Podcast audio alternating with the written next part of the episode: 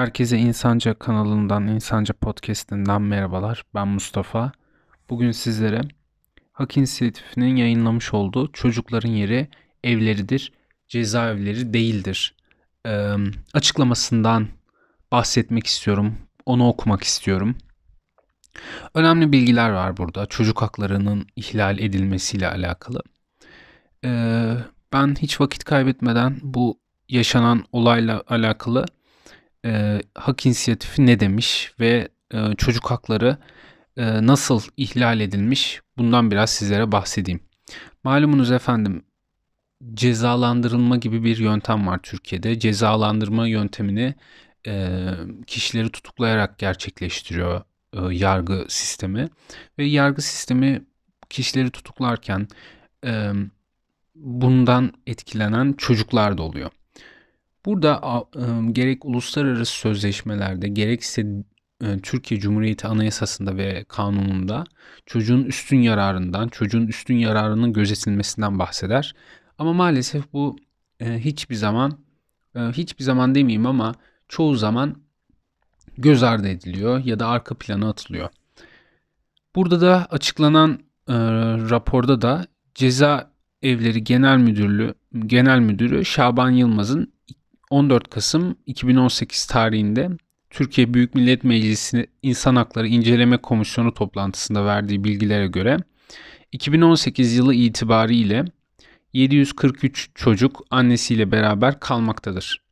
Bu çocukların 543'ü 0-3 yaşında, 543'ü 0-3 yaşında, 200 tanesi 4 ile 6 yaş arasında, 3 ile 0 ile 3 yaş arası 543 bebekten 37'si 6 aydan daha küçük yaşta.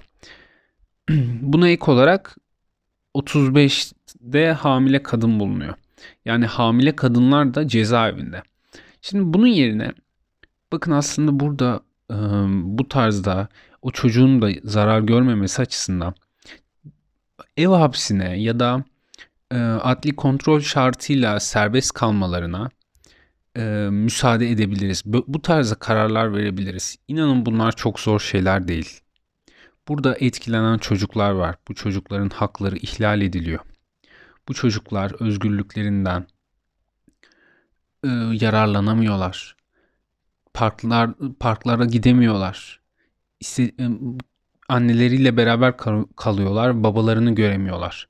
Bu tarzda yaşadıkları hak ihlalleri var. Ve ilerleyen yaşlarında da bu anlamda e, büyük bir psikolojik e, sıkıntı içerisinde, buhran içerisine giriyorlar. Burada gerçekten e, şunu belirtmek gerekiyor. Tutukluluk istisnaidir. Asıl, asıl olan insanların adil bir şekilde yargılanması ve tutuksuz yargılanmalı, yargılanmalarıdır. Yani siz bir insanı cezaevine attığınız zaman siz sadece onu cezalandırmıyorsunuz. Ya da böyle bir cezalandırma yöntemi olamaz. Asıl mevzu eğer bir suç işlenmişse, eğer bir suç varsa bu suçu siz ben işte suç işleyen kişiyi hapse atarım. Ben suç işleyen kişiye e, onu işte soruş e, kovuşturma aşamasında içeri atarım. E, o durur yargılama biter. Hakim karar verirse içeride yatmaya devam eder. Eğer beraat kararı verirse de içeriden çıkar. istediği gibi özgürlüğüne kavuşur. Yani şimdi bakın bu aradaki süreçte yani bu tutukluluk sürecinde insanlar belli başta hak kayıplarına uğruyorlar. Sadece hakları ellerinden alınmıyor. Psikolojik olarak da yıpranıyorlar.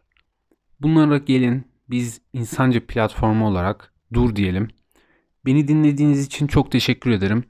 Çocuk haklı çocukların özgür bir dünyada, özgür bir coğrafyada insanca büyümeleri temennisiyle kendinize iyi bakın efendim.